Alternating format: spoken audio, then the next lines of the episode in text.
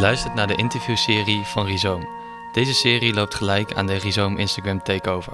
Rhizoom is een kunstplatform dat kunstenaars exposure biedt en daarmee koppelingen maakt tussen kunstenaars en publiek. Sinds deze maand proberen we elke Instagram Takeover uit te breiden door een interview te houden met de kunstenaar van dat moment.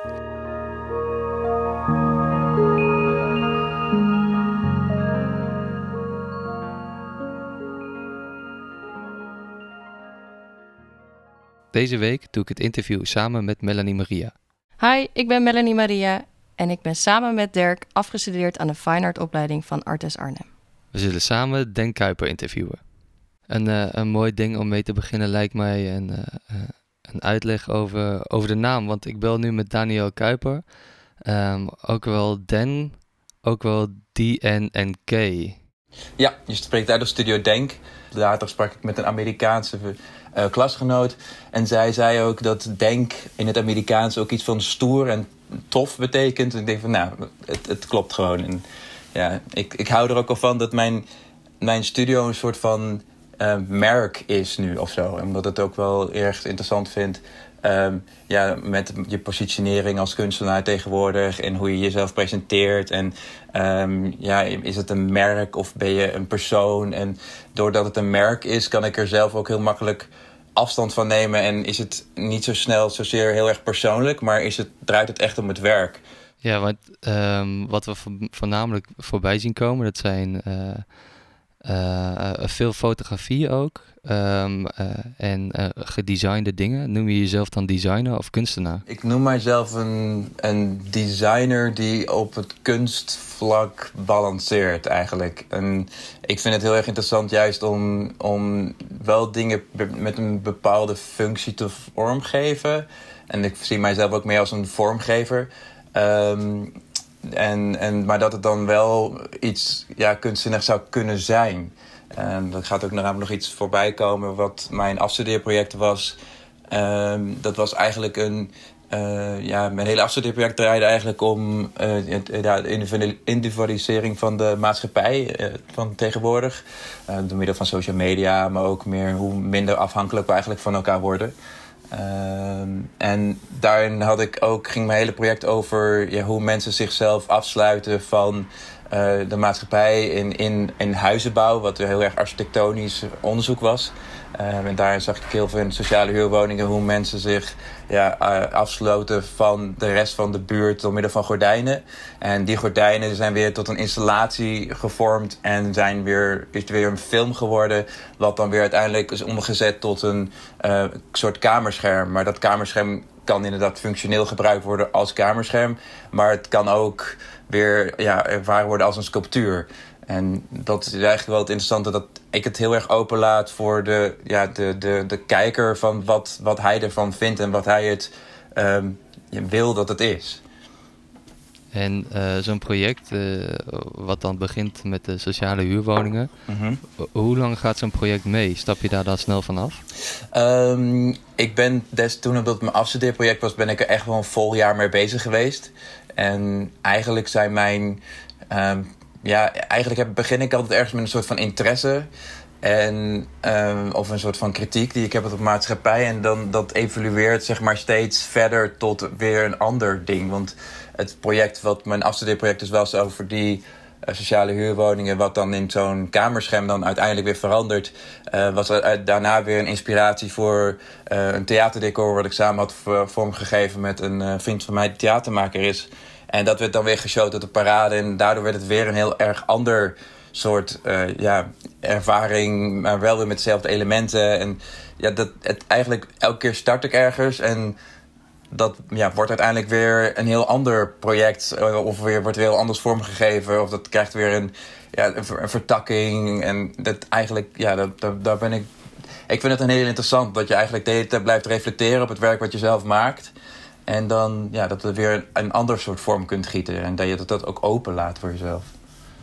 Gaat het dan voor jou ook voornamelijk om het object? Toen ik net begon met de academie vond iedereen mij altijd een esthetische freak.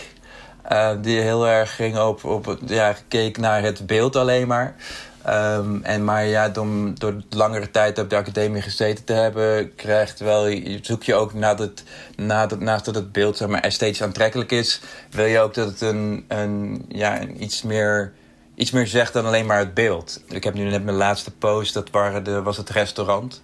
Ehm, en ja, dat hele project is eigenlijk heel erg uit mijn eigen interesse voor ja, interieur en die personages en die mensen die dan in, bij mij in het, ja, het restaurant kwamen. Um, wat voor figuren dat waren, uh, heeft mij geïnspireerd om dat te gaan maken. En daarna ga je zelf ook nadenken van... ja, maar wat voor rol draagt dat restaurant eigenlijk wel niet in deze maatschappij? Wat zou dit restaurant doen zonder dat, dat, ja, dat als het er niet meer was, wat, dat zou het hele leven van die mensen ook heel anders worden. En dan krijg, ga je heel erg anders nadenken ook over wat je, ja, wat, je, wat, wat je eigenlijk aan het creëren bent. Dat je eigenlijk meer een verhaal aan het maken bent in plaats van dat het alleen maar aantrekkelijke beelden zijn.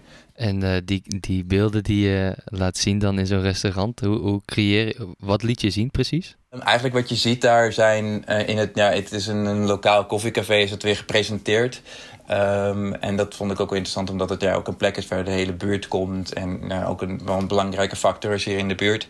Um, en daar liet ik dan die beelden gewoon in, in schilderen. Mooie, ja, die, dat heb ik ook nog gepost op de Instagram. Dat waren, zijn hele klassieke lijsten die ook wel heel erg passen bij de sfeer die je in de, in de beelden ziet.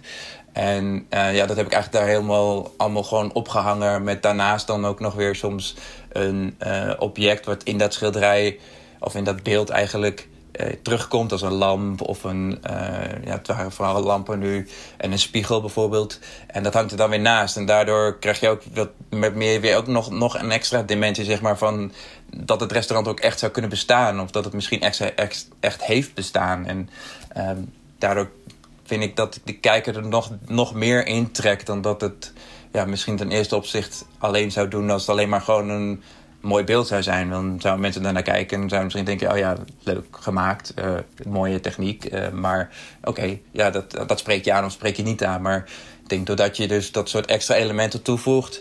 krijg je wel iets wat, wat nog misschien iets interessantere werking kan hebben met de kijker. Ja, het klinkt echt uh, super interessant, Dan. Ik ben eigenlijk ook nog wel benieuwd... Hè, je beschrijft heel erg die sfeer en die beelden... Maar hoe maak je dan eigenlijk die beelden? die beelden zijn lang leven Photoshop elk element wat je ziet in dat beeld is een aparte foto die zo geknipt, zo vervormd is dat het weer een, ja, echt in dat interieur en in, het, in die persoon past. En dat is, kost heel veel tijd, heel veel, heel veel uh, ja, ruimtelijk inzicht. vraag ik me af. Um, maar dat is, ja, dat, dat, dat, dat, kost, dat is eigenlijk bijna een soort van schilderen. En daarom vind ik het, dacht ik in de eerste instantie, ja, ben ik nu alleen maar collages aan het maken? Of ja, is dit misschien gewoon voor mij een nieuwe manier van, van schilderen? Want je bent nog steeds aan het kijken waar komt lichtinval vandaan, uh, waar. Uh, ja, hoe, hoe, hoe werkt, klopt het met de, de, de autonomie van de, van, de, van de mens zelf? En ja, ik heb, sommige beelden maak ik echt in één dag. En andere beelden ben ik echt dagen mee bezig, omdat de positie van de persoon heel erg uh, ja, moeilijk is om daar het goed, in, goed, uh, goed te laten lijken, zeg maar. En uh, ja, ja, op die manier probeer ik het zo dan te creëren. Hoe reageren de, de kijkers daarop, de toeschouwer? Ja, de toeschouwer die, die, die reageert er vooral positief op in het feit dat ze het hele aantrekkelijke beelden vinden en het heel, ja, ook bijna dromerig.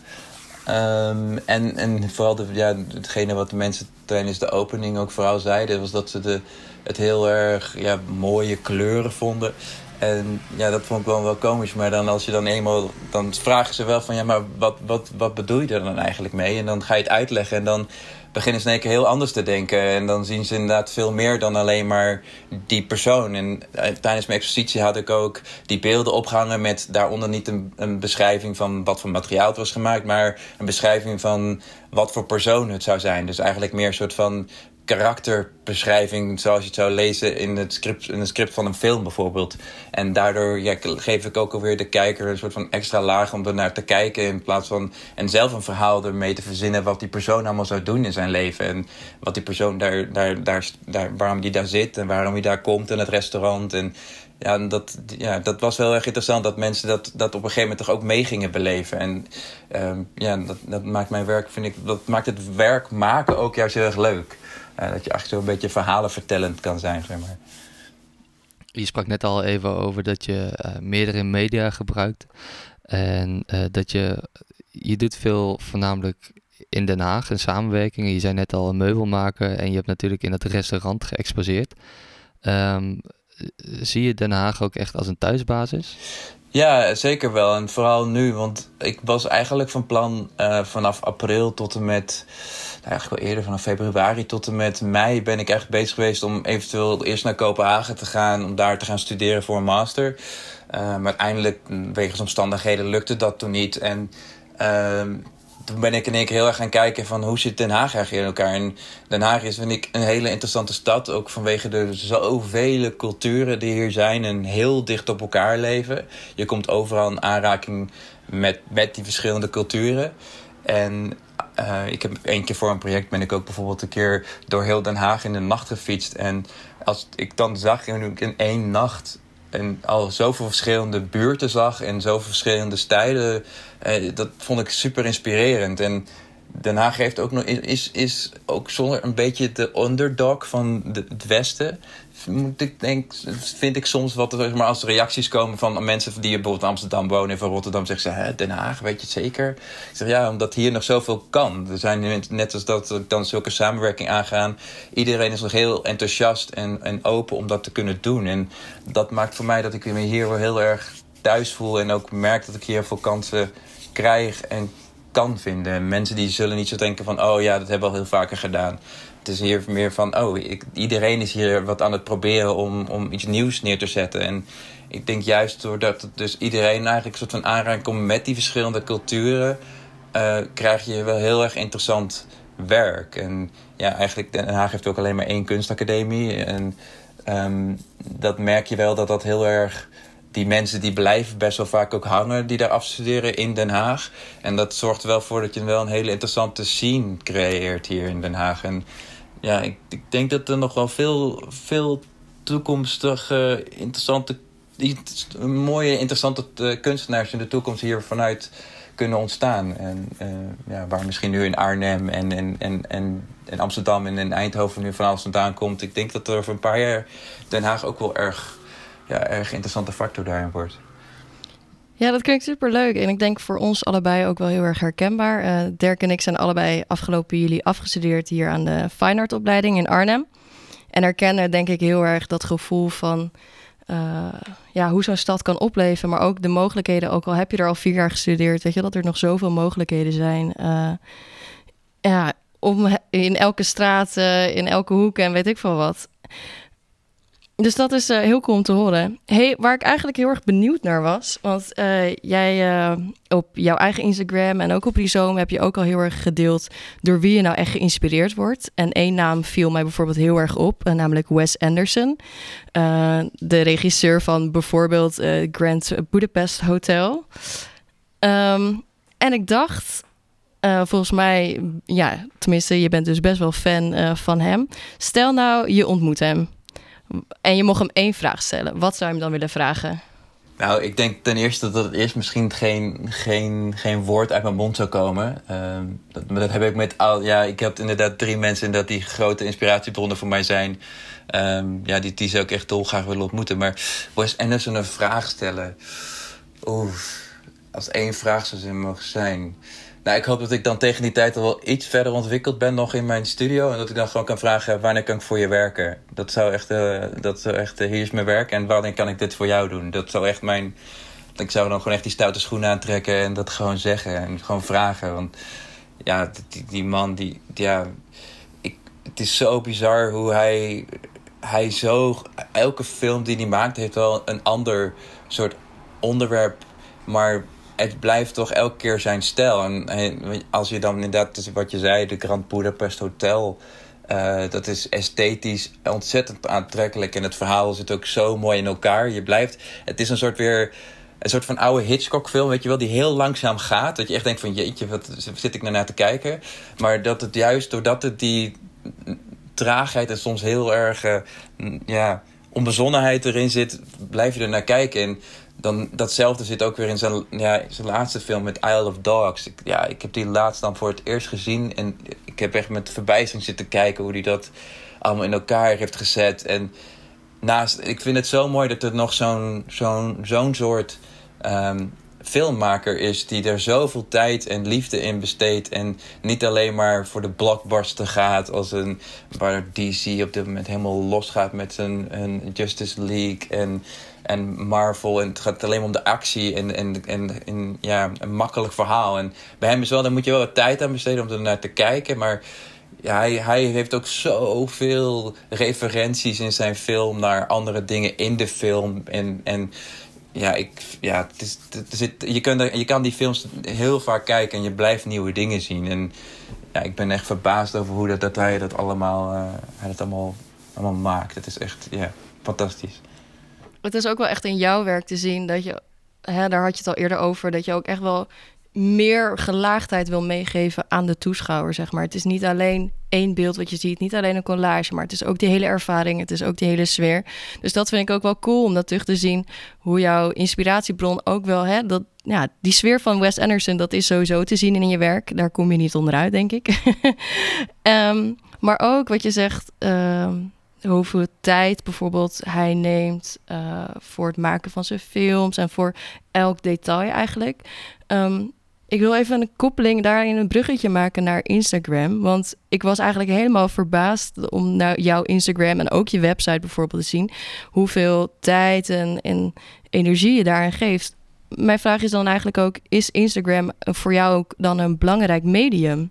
Ja, voor mij op dit moment is Instagram echt heel belangrijk. En, en probeer ik ook echt um, daarin uh, ja, mijn visie en mijn, mijn soort van wereld te creëren. Um, en probeer ik ook echt wel onderscheidend in te zijn met wat er al, al online te vinden is. En het is leuk dat je het over me. Dat, ik ben blij dat je mijn website hebt gekeken. Want dat vind ik echt leuk. Want die is echt net, net eigenlijk tijdens mijn expositie een soort van gelanceerd.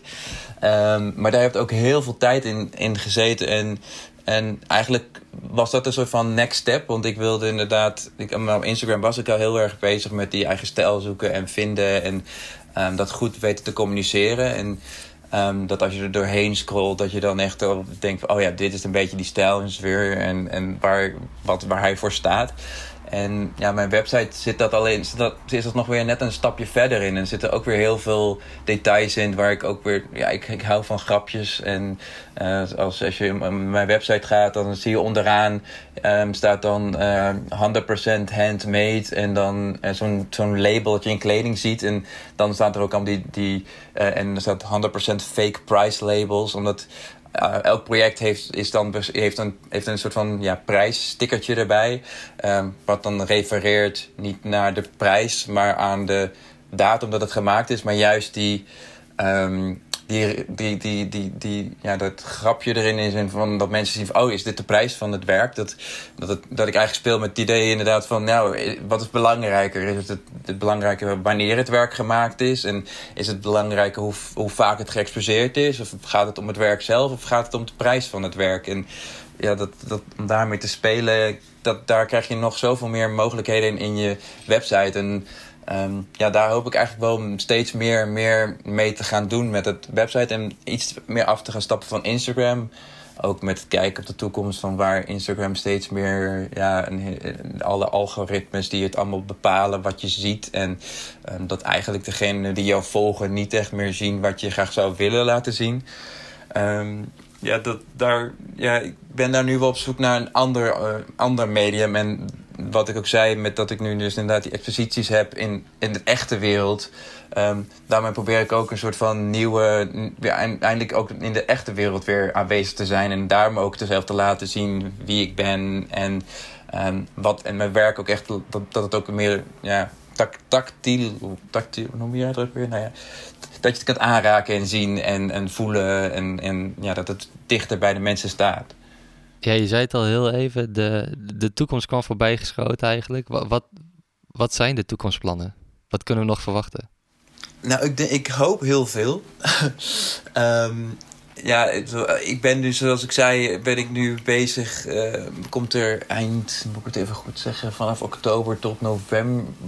Begin november is, er, is mijn afstudeerwerk dus nogmaals te zien in een etalage hier ergens in Den Haag. Bij een, uh, ja, een winkel die klassiek design verkoopt. Maar daarmee maak ik, wil ik eigenlijk op dat moment ook nemen om mijn afstudeerfilm wat meer aandacht te geven. Want die is eigenlijk wel een beetje in de vergetelheid geraakt. Terwijl het echt een hele mooie film is die echt wat meer aandacht zou moeten krijgen. Um, en nou, die keramiek uh, samenwerking komt er dan natuurlijk aan. En ja, voor de rest, ik probeer mezelf gewoon te blijven ontwikkelen. En um, ja, er komt ook straks nog op de Instagram komt ook nog een post over hoe ik zeg maar die interieur-experimenten doe. Die hebben geleid eigenlijk tot het restaurantproject.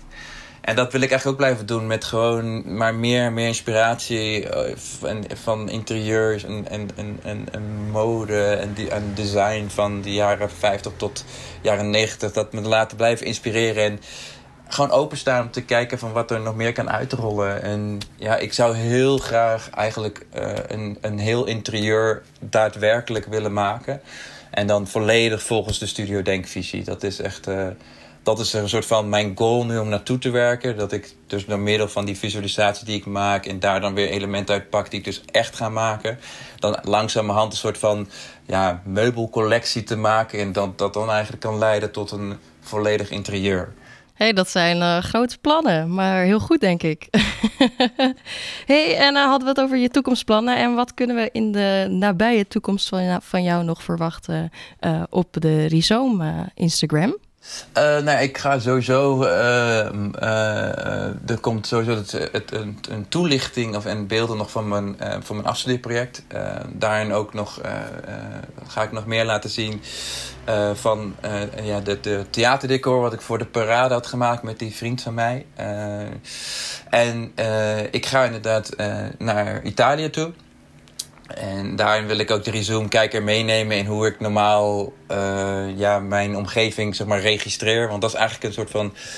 Uh, ook een toekomstidee waarbij ik nu vaak foto's nog wel van online afpak. Wil ik eigenlijk mijn eigen documentatiemap maken van, van allerlei soorten kleine elementen. Van gewoon mijn deuren, ramen, gevels, uh, accessoires. Alles gewoon registreren in mijn eigen fotobibliotheek.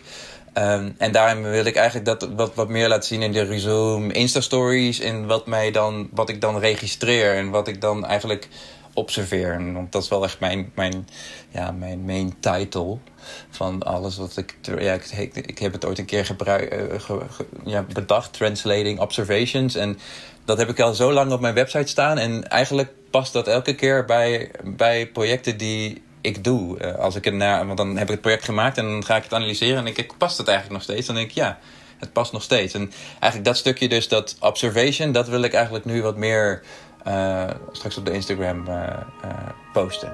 Helaas zit de tijd erop. En het enige wat ons rest te doen is jou heel veel plezier te wensen in Italië. Dankjewel. En ik hoop op hele mooie foto's voor het Rhizome kanaal. Komt goed, daar ga ik zeker mijn best voor doen. Je hebt geluisterd naar het takeover interview met Studio Denk. Nu gaan we luisteren naar de rubriek Uit het hoofd door Pelumi Adeyumo, waarin zij mensen in haar omgeving vraagt of ze teksten uit het hoofd kennen en of zij deze willen voordragen.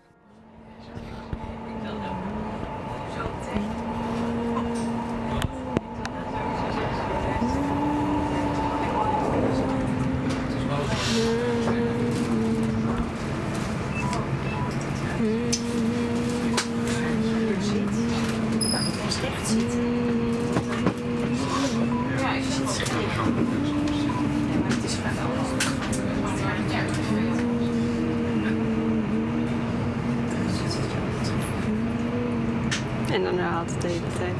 Wat is je tekst? Ja, dat weet ik niet. Maar ik weet niet of dat dat is. Nee, volgens mij niet. Dat is weer een ander.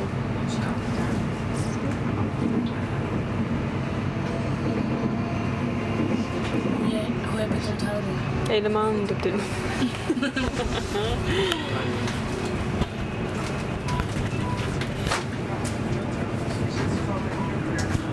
kan een ander inlezen. Oké.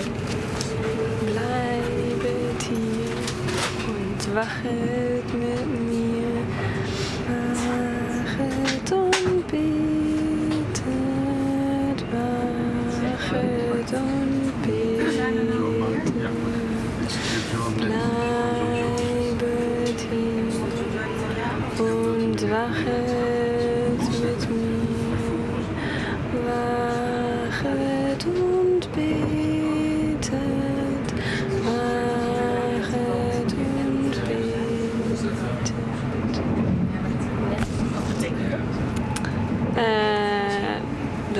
ook hier?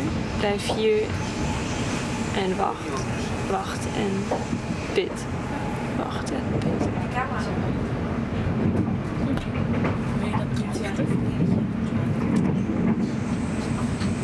Wat wil je weten en toelichten? Waarom heb je dit onthouden? Leuk. Nou, dat zeker. Ik denk. nou, als ik zoiets dan heb, dan komt er heel veel, heel veel verschillende herinneringen ook. Van eh, bijvoorbeeld een. eh, zeg maar. Nou, dus confirmatie dingen. Dus, eh, waar je dan met uh, confirmandum naartoe gaat en daar dan een rustige avond hebt. Of eh, op de kirchentaak heb je ook van die TC-evenementen. dat is dan ook één avond en je zit in zo'n supergroot zaal of in zo'n supergroot arena, stadion.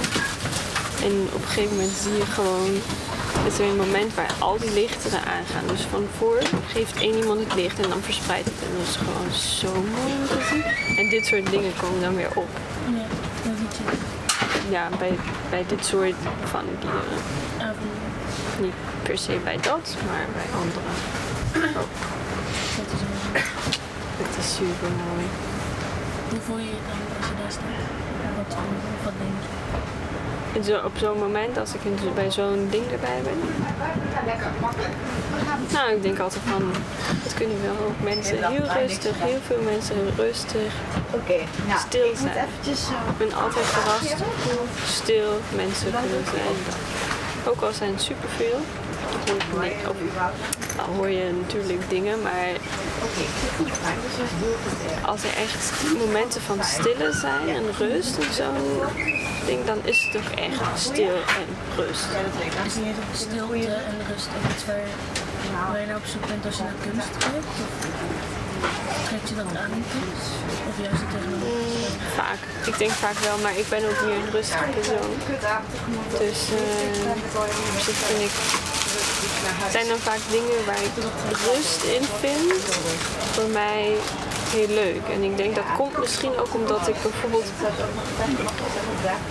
door dansen ben ik veel omgeven met muziek en dat vind ik ook leuk en ik hou van muziek. En, maar als ik dan bijvoorbeeld ook naar huis kom, dan is het gewoon ja, oké, als er niks meer te horen is, als het alleen maar rustig is. En andere mensen komen juist naar huis en moeten altijd op, gaan de deur uit en hebben meteen hun muziek op hun. Snap ik ook, maar ik vind het dan bijvoorbeeld juist leuk om het rustig te hebben. Wat is rustig? Ja, om stil. Of bijna stil. Echt stil kan niet, maar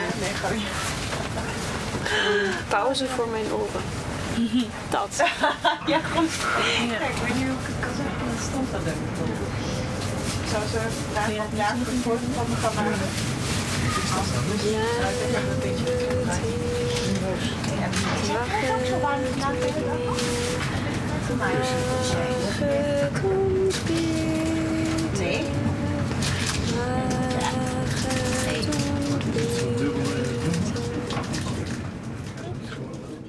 We gaan nu luisteren naar atelierroutines. In deze rubriek hoor je de geluiden uit het atelier van verschillende kunstenaars. Deze week luisteren we mee met beeldend kunstenaar Marlies Kamping.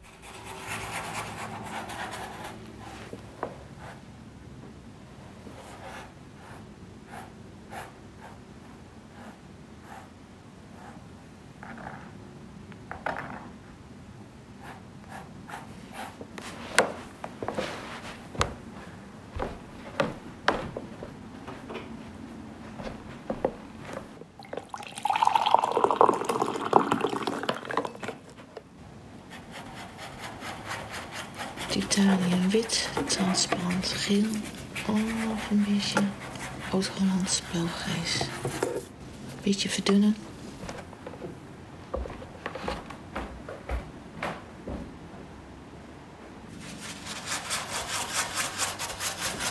In gedachten luister ik muziek. Beetje neuren. Met mijn lievelingspotlood herhaal ik de strepen en de beweging van de vorm.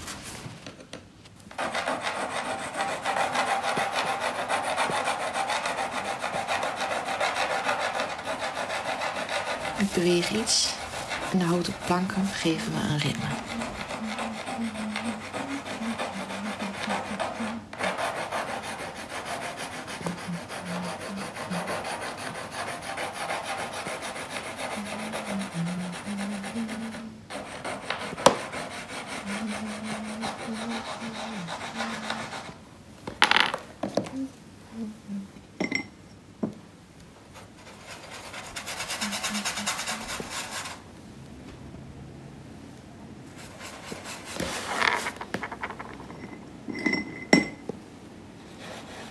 Gaan nu luisteren naar een interview met Testa Matla.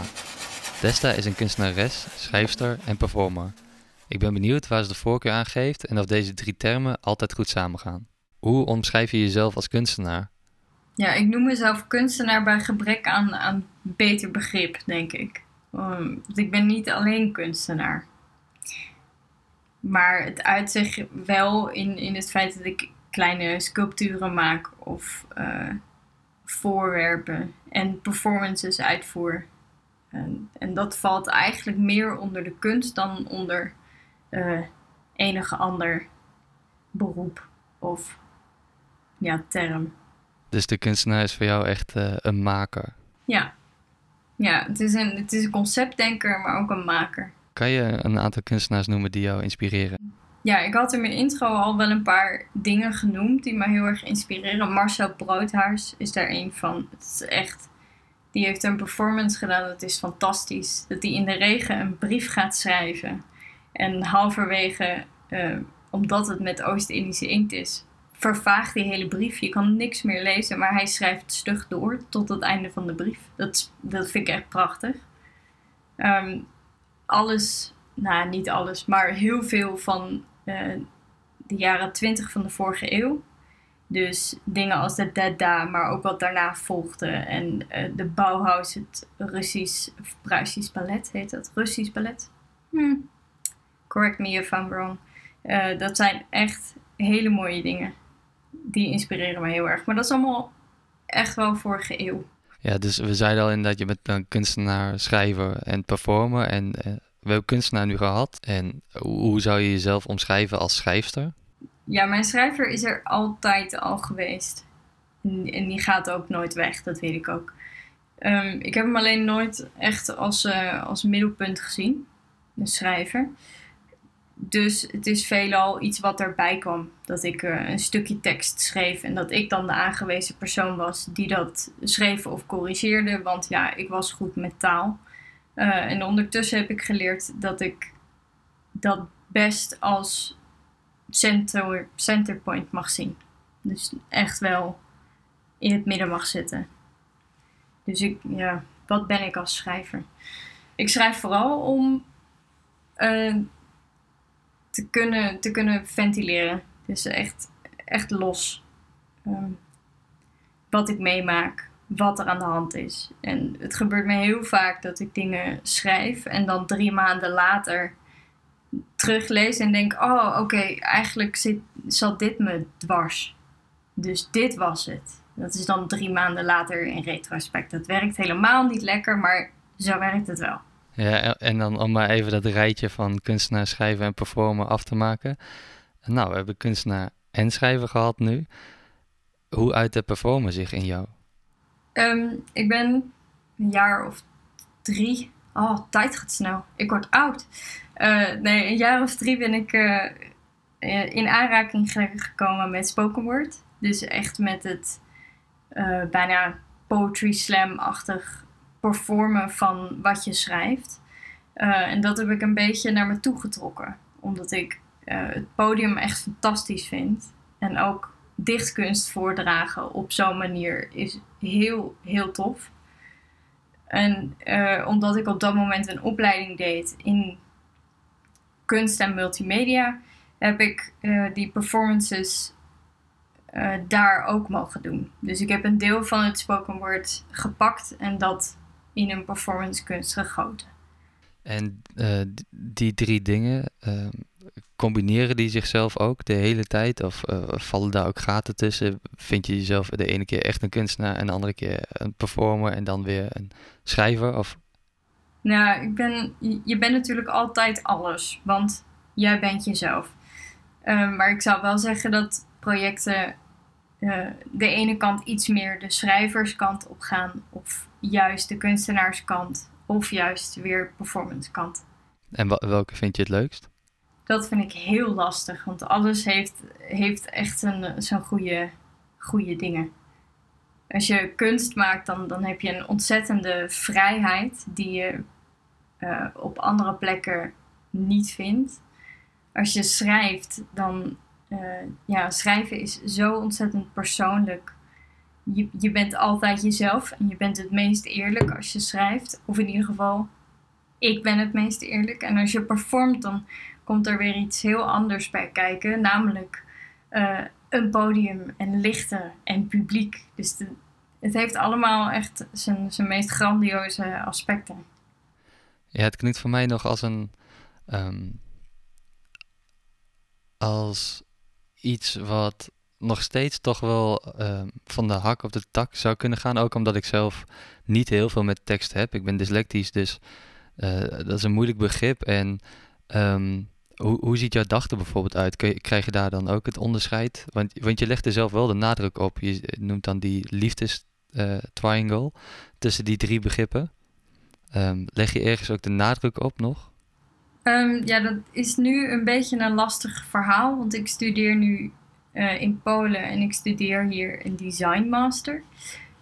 Um, dus er worden opeens hele andere dingen van mij gevraagd. Op de, op de kunstmaster die ik hiervoor heb gedaan, werd de nadruk echt gelegd op zelfontplooiing en, en wat ben jij als kunstenaar. En daarin hadden die drie aspecten ook ontzettend veel de ruimte. Dus konden ze allemaal groeien. En nu zit ik op een designopleiding uh, waar de vraag toch ergens anders ligt.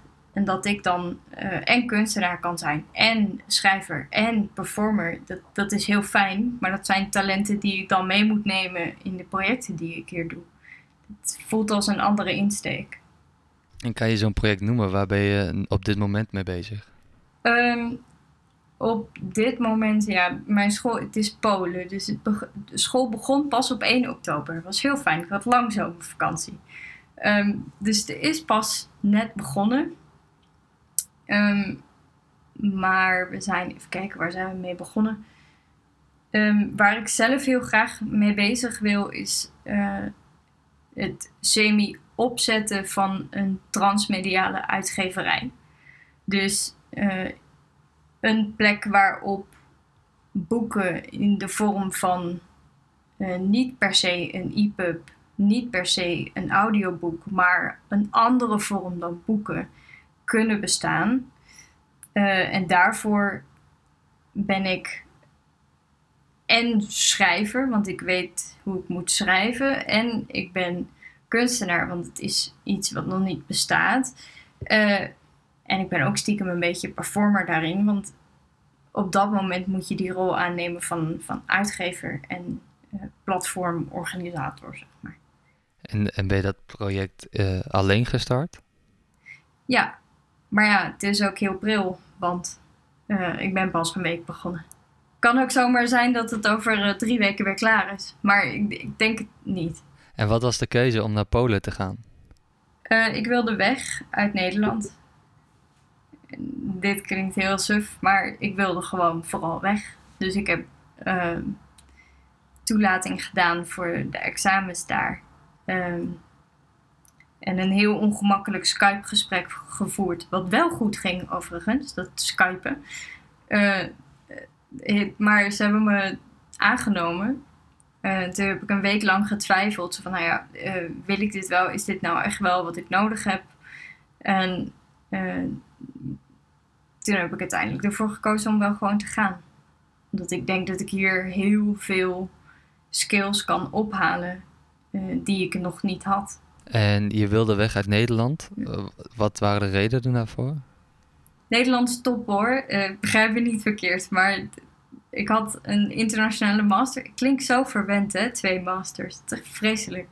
Um, maar ik had een internationale master gedaan. En dan ben je zo in aanraking met, uh, met andere mensen, met andere dingen. En dan lijkt Nederland opeens heel klein.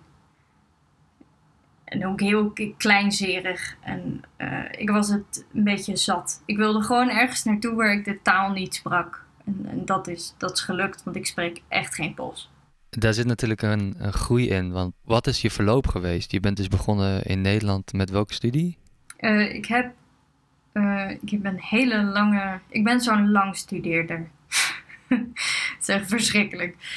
Ik heb één jaar de vooropleiding van de kunstacademie gedaan. En daarnaast Engels op de HU in Utrecht.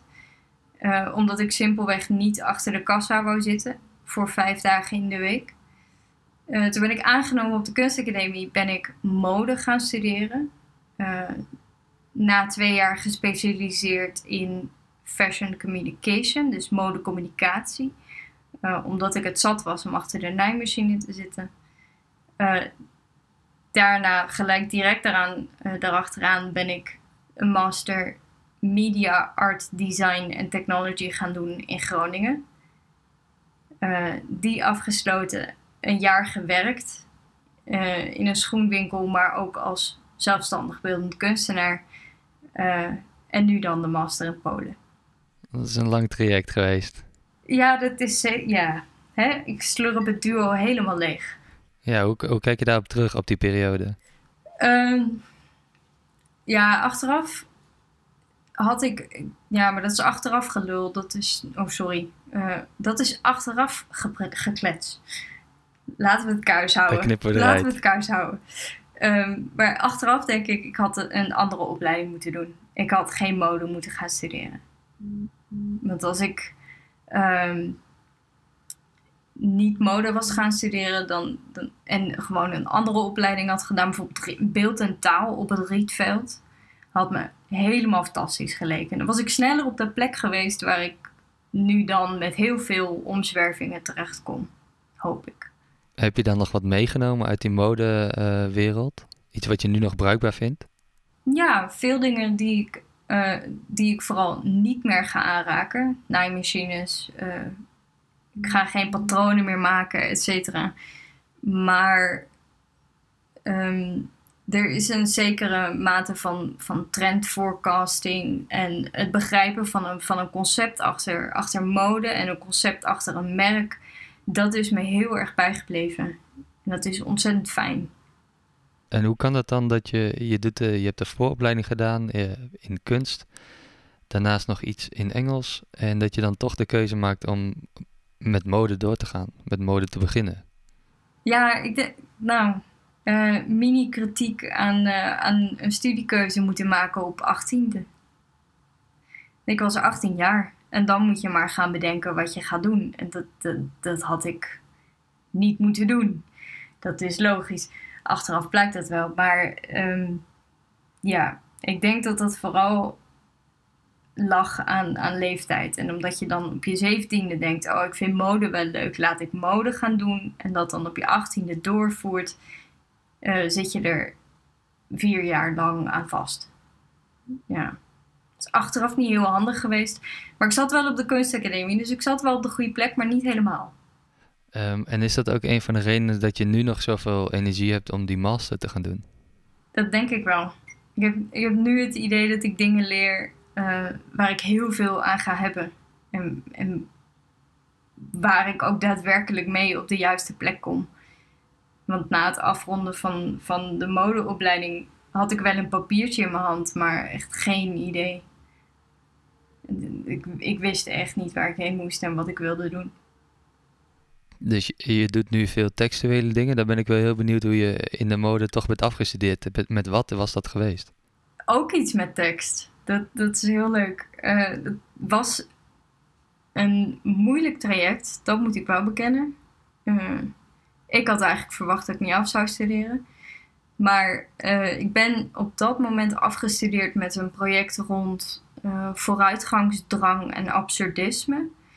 Um, dus ik verzamelde verhalen die de absurditeit van onze omgang met technologie weergaven.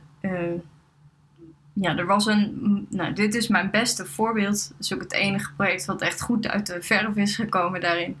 Uh, er is een man in Taiwan geweest. Die heeft in een internetcafé zitten gamen. Uh, die is overleden aan een hartstilstand. En dat werd uh, zes, zeven uur later pas opgemerkt. Nou, dat, dat vond ik en dat vind ik nog steeds fascinerend. Dat vind ik een heel absurd iets. En dat gaat eigenlijk alleen maar om dat uh, om het feit dat wij verder willen en om het feit dat wij meer willen en om het feit dat ja, onze relatie met technologie is heel apart in, in die zin. En daar heb ik allerlei verhalen over geschreven, gedichten rondom gemaakt. En daarmee ben ik afgestudeerd. En dat is dan niet iets draagbaars geworden? Of nee. wel?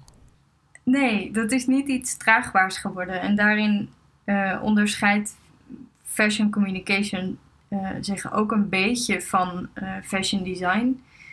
Het gaat nog steeds om mode en om nou ja, tendencies. Want ik heb een hekel aan het woord trend, maar tendencies in, in die mode. Maar het hoeft niet in het eindresultaat van een collectie gegoten te worden. Dus het kan ook iets anders zijn. Oké, okay.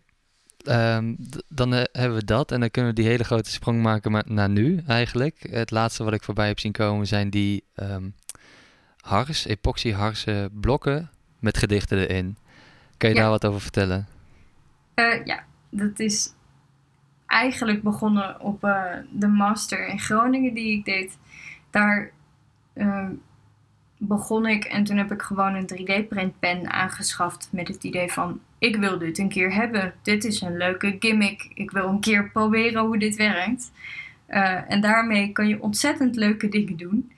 Uh, naast dat je kubussen in de lucht kan tekenen, superleuk. Uh, maar je kan verder.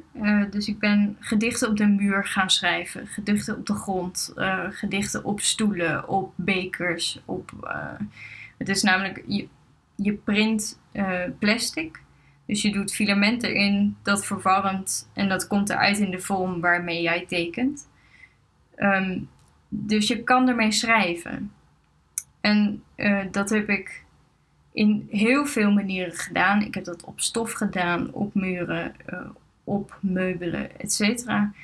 En uiteindelijk heb ik dat, uh, volgens mij deelde ik dat gisteren, in een manifestation of doubt.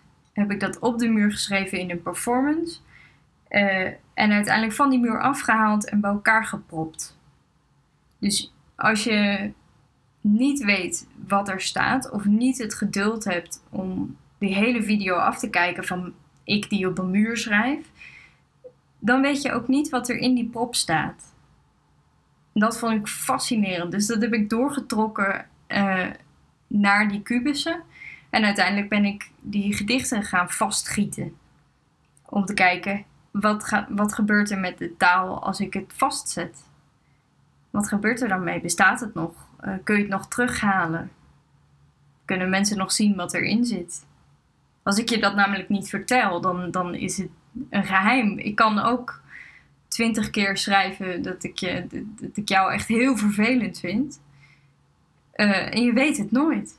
Dat vond ik ook mooi aan die, aan die blokken, inderdaad. Dat, toen ik ze zag, en, en de veelvoud ervan, want je hebt er nogal wat gemaakt, uh, ja. in verschillende varianten ook wel. Uh, toen dacht ik, oké, dit is dit is iets, dit is een, een, bijna een productachtig iets. En als je dat verhaal erachter leest, dan wordt het opeens ook veel gelaagder. Maar, maar toch maak je ze in, in een bepaalde veelvoud. Zie je het dan ook als een kunstobject, als een manier, ik weet niet of je ze verkoopt, volgens mij wel, um, als een manier van geld verdienen? Hoe zie je dat zelf? Ja, ik zie het zelf bijna als een, als een stukje poëzie aan iemand geven. liever dat dan eh, dat het plastisch gezien wordt als product. Het is nog steeds eh, handgemaakt. Ik verkocht ze inderdaad. Eh, en ik maakte ze dan in mijn atelier. Maar ik verkocht ze ook niet voor super veel geld. Dus het ging vooral om. Ik vind ze esthetisch namelijk heel pleasing. Heel fijn. Ik vind het leuk om naar te kijken. En ik wilde dat, dat delen. En dan die geheime, ja, een geheim stukje poëzie met iemand delen. Dat vind ik een heel interessant gegeven. Ja, ik ben er ook een beetje van gaan houden, stiekem. Ehm, eh, inderdaad, wat ik eerst zei, dat je niet echt weet wat er gebeurt in dat blok. Ehm, en het misschien plat vindt. En dan erachter komt dat elke keer weer een nieuw gedicht verdwijnt in zo'n blok. Ja. Ehm, en als ik me niet vergis, krijg je dat wanneer je dat aankoopt ook het gedicht erbij op papier. Ja, klopt. Ja, dat is dan het geheim van, van eh, de goochelaar, zeg maar. Dat moet je natuurlijk nooit weggeven. Maar als je zo'n kubusje aanschaft, vind ik het wel de moeite waard om jou te laten weten wat erin zit. Ja, Ja. en niet ik haat je. Nee, precies. Ja, niet. Ik vind, ik, vind je echt heel vervelend of een heel politiek relaas over, eh, weet ik het. Nou ja, je kan er van alles in stoppen en dat is het mooie. Ja, Ja. heel mooi. Ehm, een ander werk van jou, Mark Zuckerbot. ja. Wil je, wil je ons meenemen in, in hoe dat werk eruit ziet en wat het werk eh, zegt eigenlijk? Ehm, dit is een, een lang verhaal. Nee. Ik ben geselecteerd op een gegeven moment door eh, Up North, wat een, soort samenwerkingsverband is tussen Urban House, TDI en Popfabriek. Allemaal in het noorden van Nederland, vandaar Up North. Eh, en daar heb ik een, een concept aangeleverd met, met streepgedichten. En streepgedichten zijn, eh, je neemt een pagina met tekst. Daarin ga je met een zwarte stift aan de slag. En wat je overhoudt, dat is je nieuwe gedicht. Ehm, daar ben ik mee naar eh, Urban House gegaan. Die hebben gezegd, prima, we gaan jou helpen. Nou, 60 stappen verder in het concept ontwikkelen eh, ben ik gekoppeld aan Tom Dijkstra. En die heeft voor mij een robot gebouwd eh, die mijn Facebook data op de muur schrijft. Dus wat ik heb gedaan is mijn Facebook data aanleveren, waarin zoektermen, maar ook berichten bij ander, andere mensen op de muur, maar ook berichten die ik zelf schreef of comments die ik plaatste, die zijn allemaal opgenomen. Ehm, en via een computerprogramma ma- kan ik de robot besturen en daarin kan ik selecteren wat de robot schrijft. Dus elke keer genereert de robot voor mij een zin van mijn Facebook data en ik kan kiezen ja of nee. En dan Het klinkt bijna als een zit er een. activistisch een- werk. Ja, is het ook wel een beetje. En het, het viel een beetje in, eh, in de tijd ook dat data en Facebook eh, heel erg hot waren. De- eigenlijk was ik net een beetje te laat. Ik had net de hype train een beetje gemist. Maar eh, ja, het is ook een kritiek. Het is ook heel erg een kritiek. En het gaat ook heel erg over wat geef je prijs. En wanneer, wanneer jij dat allemaal op Facebook plaatst, dan is het niet meer van jou. Kan die robot ook maken met iemand anders zijn Facebook data? Was Ja. dat je eerste kritische uiting dan? Eh, nee, ik ben altijd data kritisch. Ja, ja. Ik heb voor het afstuderen van die master heb ik een, een poëziebundel gemaakt die alleen toegankelijk was via eh, Google Activities. Eh, Google Activities is de plek waar Google alles opslaat wat je doet. Eh, dus welke sites je bezoekt, eh, wat je zoektermen zijn, wat je locatie was, wanneer je het zocht. eh, allemaal dat soort dingen. En daar heb ik een beetje misbruik van gemaakt om een gedicht bijvoorbeeld te plaatsen op het eiland Malta. Omdat iedereen altijd mijn achternaam verkeerd schrijft.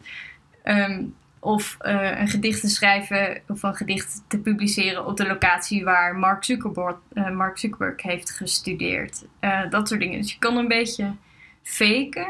En door dat te jinxen, door puur te zoeken via spraak naar tekst, wordt het opgeslagen in je Google activiteiten en komt het onder elkaar te staan als een gedichtje.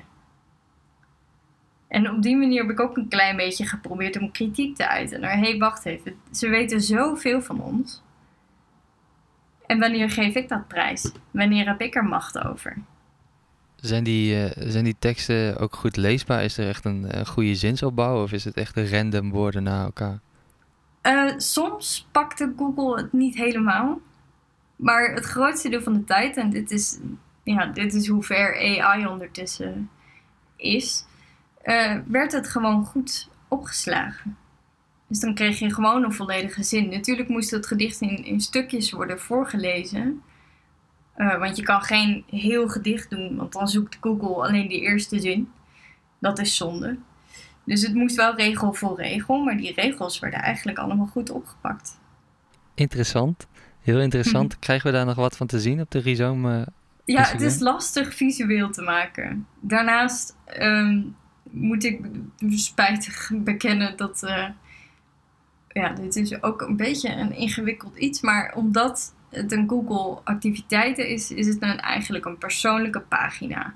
Dus om die gedichtenbundel te zien of uh, om mijn thesis te lezen, bijvoorbeeld in de Google Drive die ik daarvoor had aangemaakt, had je mijn accountgegevens nodig. Dus die heb ik gewoon lukraak, maar gewoon uitgedeeld. Want ja, dat is de toegang tot mijn uh, dichtbundel. Dus je moet maar inloggen op mijn uh, Gmail-account. Uh, met het risico dat het verwijderd zou kunnen worden. En dat is heel lang goed gegaan, uh, tot afgelopen april. En afgelopen april heeft iemand mijn thesis en mijn dichtbundel verwijderd. Ja, het is gek dat je daarover begint, want in het, natuurlijk, we zoeken even wat dingen op over jou en uh, over gebeurtenissen. En dit was inderdaad een van de gebeurtenissen die we tegenkwamen ter voorbereiding van dit interview. Um, mm -hmm. in april gebeurde het. Is er ondertussen al, al, al meer gebeurd? Of hoe heb je dit opgelost? Ja, een deel van mijn thesis ging ook precies over, over dit, dit ja, gebied. Dit grijze gebied van, van, van het internet, waarvan we eigenlijk niet weten wat we ermee moeten. En ook geen regels hebben. Want we hebben hier geen wetten over en geen regels. En, um, dus wat ik gedaan heb, natuurlijk heb ik een backup. Dus ik heb mijn thesis nog. Uh, er zit een hoop tranen en, uh, en moeite in. Maar hij is verwijderd van de Google Drive. En ik heb hem uh, verwijderd gelaten. Ja, ik had hem kunnen herstellen. Maar ik heb ervoor gekozen om dat niet te doen. Super mooi gegeven. Ja. Heel mooi gegeven om zoiets ook af te ronden. En ehm, zie je dat zelf dan ook zo? Echt als een afronding van dat project? Ja, een beetje wel. Het is, het is, ik heb er nog een klein essaytje aan gewaagd, omdat ik dacht, nu moet ik wel even uitleggen waarom er niks meer is op de pagina waar mensen eventueel naar worden verwezen. Um, en daarin heb ik ook inderdaad gezegd dat dit precies mijn punt bewijst. Dit is precies waar het om ging. Ik deel sleutels uit, maar ik word ook beroofd. En dat vind ik een heel interessant gegeven. Ja, dan ja. vliegen we nog in één klap even door. Uh, naar jou, naar, naar Polen. Wat, wat verwacht je nog voor jouw toekomst in Polen? Ja, ik weet niet of ik hier blijf, maar uh, voor nu is de opleiding echt super interessant. Het is uh, veel meer design georiënteerd. Dus veel minder kunst. En ik merk al heel erg het verschil tussen design en kunst. Want kunst, ja, je mag. je mag je gang gaan. Jij bent je eigen ding. Het is allemaal autonoom. Uh, jij hebt je talenten waar je goed in bent. En bij design ligt er eigenlijk altijd een vraag of een probleem of een ding. Je moet altijd zoeken naar een oplossing of, of iets wat je kan verbeteren. En daarin heb ik heel erg veel te leren. En dat krijg ik ook allemaal. Ik krijg lessen in dat soort dingen, maar ook lessen in creative leadership en in inclusive design en dat soort dingen. Dus ik hoop hier heel veel design dingen te halen. Oké, okay, Desta, dat was het. Topper. Dat was alweer uh, de tijd die we hadden voor dit interview. Um, ik wil je heel erg bedanken en een hele goede tijd wensen uh, in Polen. En ik hoop jouw werk ook weldra te zien. Ja, ik eh, ben benieuwd wat eruit komt.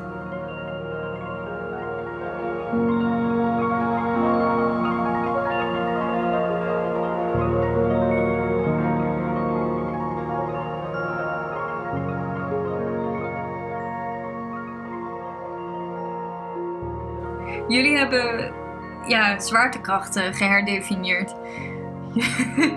jullie zitten de hele tijd al schuin voor mij. Maar ik, ik dacht, ja, ik kan ook niet halverwege dat ding weer om gaan draaien. Bedankt voor het luisteren naar de Rhizoom podcast. Aan deze aflevering werkten mee voor het interview Dirk Muller en Melanie Maria. De edit Joris Broekhoven. Sounddesign Tim Visser. En de intro en outro muziek is van R. Benny. Shit. Wat is het nou? Arbeini. Arbeini. Arme Benny. Wat is het nou? Arbeini. Benny. Arbeini. Arbeini. God, Je hoeft alleen dat nog wel. Ja, oké. Wat is het? Nu ben ik het weer. Arbeini. Arbeini. R. Benny? Ja. Zo Haarlems mogelijk. En de intro en outro muziek is van R. Benny. Ja, dat was goed.